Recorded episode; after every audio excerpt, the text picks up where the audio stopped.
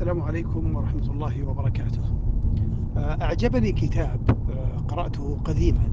كان عنوانه بحد ذاته هو رسالة قوية ومميزة جدا.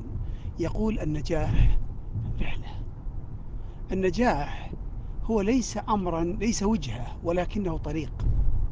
أرجو تكون هذه واضحة. يعني النجاح هو ليس الحصول مثلا على شهادة الدكتوراه. لكن البذل والجهد والبحث والتعلم والكتابة وجمع المصادر ومناقشة الأفكار هذا هو النجاح. إنك قاعد تسلك طريق جديد لأول مرة وتحقق فيه تميز. فالطريق بحد ذاته للحصول على الدكتوراه هو نجاح وليس مجرد حفل آه، الإعلان عن نتيجة البحث ومناقشة الرسالة. وهذا الكلام أيضا في موضوع آه، النجاح الوظيفي في موضوع الثراء. من الخطأ أن تعتبر أن الطريق الموصل للهدف هو وقت لا يعد نجاحا ولا وليس وقت استمتاع وليس وقت فرح وليس وقت لا هو هو وقت ذلك كله. النجاح هو منذ أن تقرر أن تتجه نحو هدف سامي.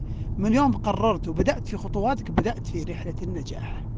فالنجاح هو ما بين قرار الانطلاق إلى الإعلان عن الوصول. كل هذه الفترة هي فترة نجاح. بدأ صغيرا ثم انتهى عظيما.